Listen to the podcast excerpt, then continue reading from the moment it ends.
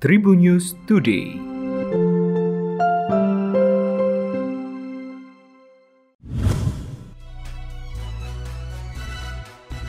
Tribuners, Anda sedang menyimak Tribun News Podcast untuk edisi hari ini. Mari kita awali dari kabar nasional. Evakuasi korban pesawat Susi Air yang jatuh di Timika, Papua digelar Basarnas dan tim gabungan. Hal itu terlihat dalam video proses evakuasi korban pesawat Susi Air yang dirilis oleh Instagram Badan Nasional Pencarian dan Pertolongan.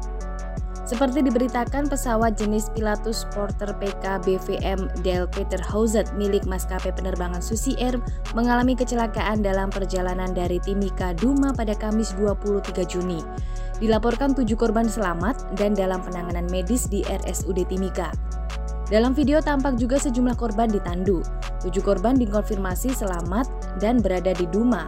Lima korban mengalami patah tulang dan luka-luka, sementara dua korban lainnya yang tidak mengalami cedera merupakan warga Duma sehingga tidak dievakuasi ke Timika. Gelombang panas yang melanda kawasan Cina Utara dan Tengah khususnya di Provinsi Shandong, Henan, serta Hebei telah mendorong meningkatnya permintaan listrik ke rekor tertinggi. Lonjakan konsumsi listrik ini mulai terjadi setelah meningkatnya penggunaan pendingin udara atau AC pada 100 juta masyarakat Cina untuk mengatasi udara ekstrem akibat gelombang panas atau dikenal dengan heat wave. Hal inilah yang kemudian membuat beban jaringan listrik di ketiga provinsi tadi mengalami pembengkakan. South China Morning Post mencatat beban listrik di jaringan Shandong pada Selasa 21 Juni telah mencapai 92,94 juta kilowatt. Kondisi ini lantas memaksa pemerintah China untuk mengunjungi perusahaan pembangkit listrik termal di Provinsi Utara Hebei dengan maksud untuk meningkatkan kapasitas produksi batu bara demi mencukupi permintaan listrik penduduk. Namun apabila nantinya permintaan kian melonjak sementara produksi energi listrik berbahan bakar fosil gagal diperbarui, maka masyarakat Cina berpotensi mengalami pemadaman listrik. Kolaborasi pertama Charlie Puth dan Jungkook BTS bakal segera diliris. Dijadwalkan single Left and Right rilis pada Jumat 24 Juni pukul 15 waktu Indonesia Barat. Jelang perilisannya, Charlie Puth memberikan bocoran video klip Left and Right di akun Twitternya.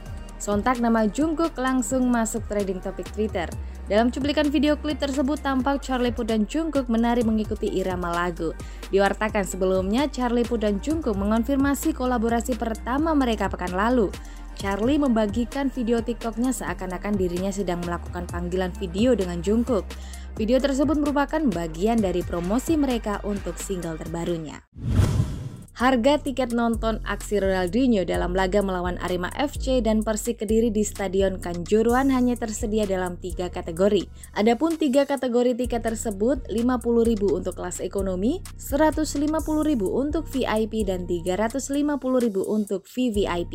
Berbagai kategori tiket tersebut sudah mulai dijual per hari Rabu 22 Juni. Seperti diketahui Tribuners, Ronaldinho dijadwalkan akan berpartisipasi dalam laga uji coba turnamen mini bertajuk Trofeo Meet the Stars Minggu 26 Juni.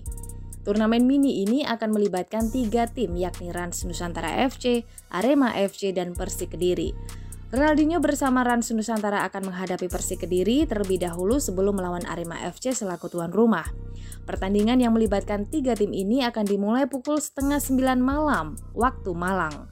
Keberadaan Ronaldinho sebagai salah satu ex pemain terbaik dunia diprediksi akan menyedot animo perhatian para pecinta sepak bola nasional.